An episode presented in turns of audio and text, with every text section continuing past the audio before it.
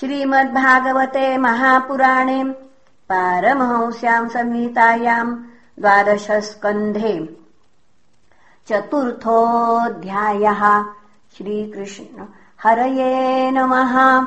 ॐ श्रीपरमात्मने नमः। अथ चतुर्थोऽध्यायः। श्रीशुक उवाच। कालस्ते परमाण्वादीर्द्विपरार्धावधिर्नृप कथितो युगमाञ्च शृणु कल्पलयावपि चतुर्युगसहस्रम् च ब्रह्मणो दिनमुच्यते। सकल्पो यत्र मनवश्चतुर्दश विशाम्पते।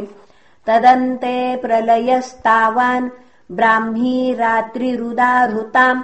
त्रयो लोका इमे तत्र कल्पन्ते प्रलयाय एष नैमित्तिकः प्रोक्तः प्रलयो यत्र विश्वसृक्।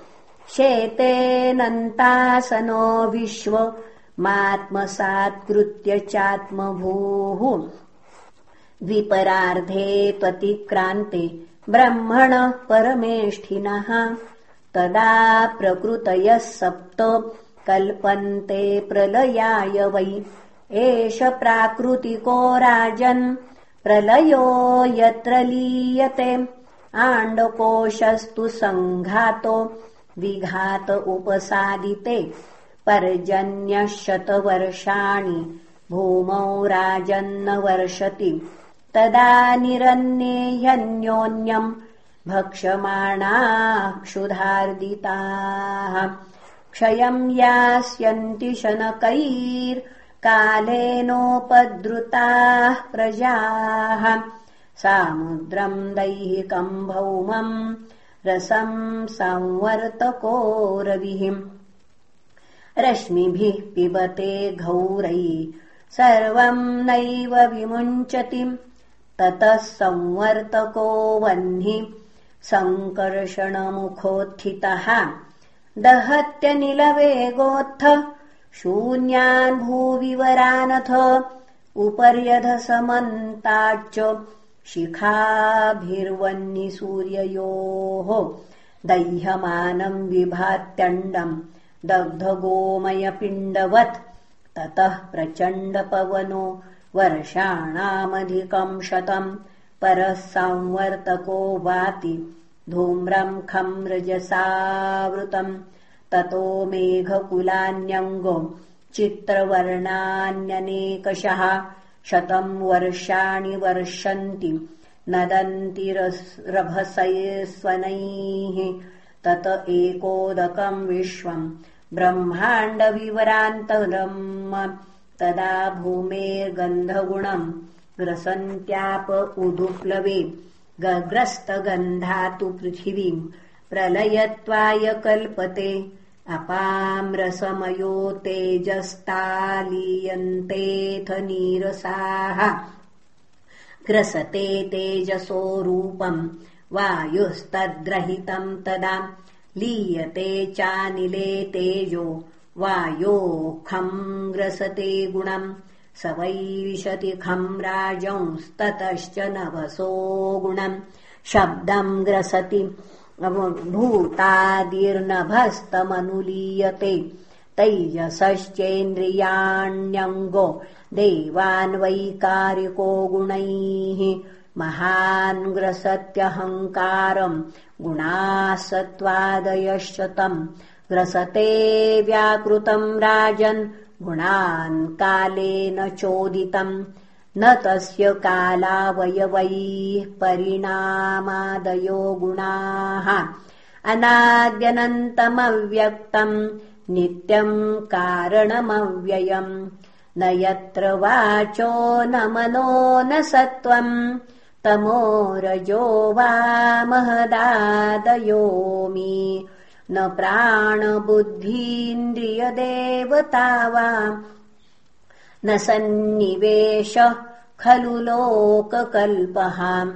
न स्वप्नजाग्रन्न च तत् सुषुप्तम् न खम् जलम् भूरनिलोऽग्निरर्कः संसुप्तवच्छून्यवदप्रतर्क्यम् तन्मूलभूतम् पदमामनन्तिम् लयः प्राकृतिको ह्येष पुरुषाव्यक्तयोर्यदाम् शक्तयः सम्प्रलीयन्ते विवशाः कालविद्रुताः बुद्धीन्द्रियार्थरूपेण ज्ञानम् भाति तदाश्रयम् दृश्यत्वाव्यतिरेकाभ्यामाद्यन्तवदवस्तु यत् दीपश्चक्षुश्च रूपम् च ज्योतिषो न पृथक् भवेत् एवम् धीः खानि मात्राश्च न स्युरन्यतमादृतात्।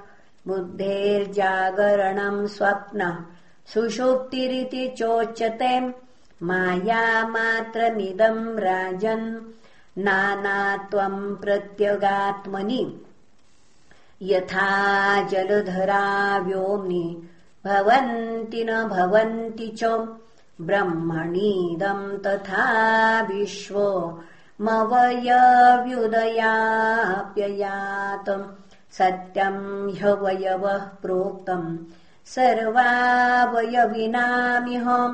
विनार्थेन प्रतीयेरन् पटस्येवाङ्गतन्तवहाम् यत्सामान्यविशेषाभ्यामुपलभ्येत स भ्रमः अन्योन्यापाश्रयात् सर्वमाद्यन्तवदवस्तु यत् विकारख्यायमानोऽपि प्रत्यगात्मान्नमन्तराम् न निरूप्योऽस्यनूरपि स्याचेच्चित्सम आत्मवत्। न हि सत्यस्य नानात्वमविद्वान् यदि मन्यते नानात्वम् छिद्रयोर्यद्वन् ज्योतिषोर्वातयोरिवम् यथा हिरण्यम् बहुधा समीयते नृविक्रियाभिर्व्यवहारवरत्मसु एवम् वचोभिर्भगवानधोक्षजो व्याख्यायते लौकिकवैदिकैर्जनैः यथा घनोऽर्कप्रभवोऽर्कदर्शितो ह्यर्कांशभूतस्य च चक्षुषस्तमः। एवम् त्वहम् ब्रह्मगुणस्तदीक्षितो ब्रह्मांशकस्यात्मन आत्मबन्धनः। घनो यदार्कप्रभवो विदीर्यते चक्षुस्वरूपम् रविमीक्षते तदा।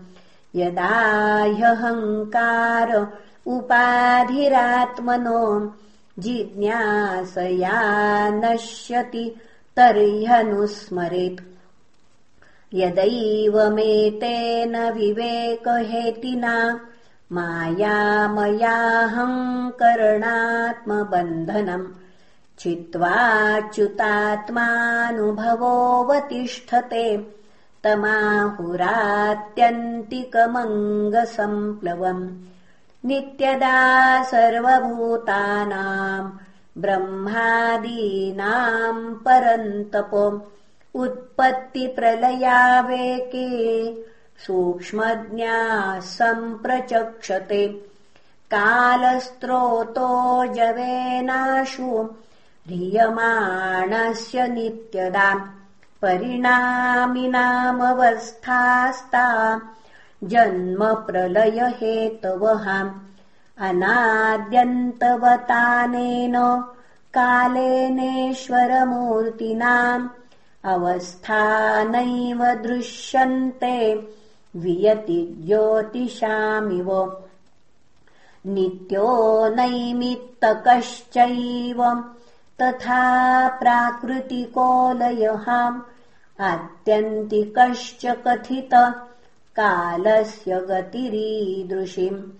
एता कुरु श्रेष्ठ जगद्विधातुर्नारायणस्याखिल सत्त्वधाम्नः लीलाकथास्ते कथिता समासत कार्स्नेन नाजोऽप्यभिधातुमीशः संसारसिन्धुमतिदुस्तरमुत्तितीर्षो नान्यः प्लवो भगवतः पुरुषोत्तमस्य लीलाकथारसनिषेवणमन्तरेण पुंसो भवेद्विधिधतु पुनः पुंसो भवेद् विविधदुःखदवार्ति तस्य पुराणसंहितामेताम् ऋषिर्नारायणो व्ययः।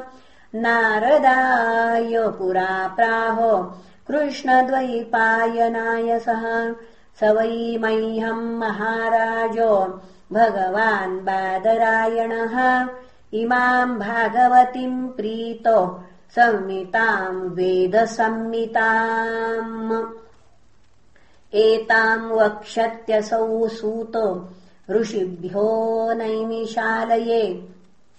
दीर्घसत्रे कुरुश्रेष्ठ सम्पृष्टः शौनकादिभिः इति श्रीमद्भागवते महापुराणे पारमंस्याम् संहितायाम् द्वादशस्कन्धे चतुर्थोऽध्यायः। श्रीकृष्णार्पणमस्तु हरये नमः हरये नमः हरये नमः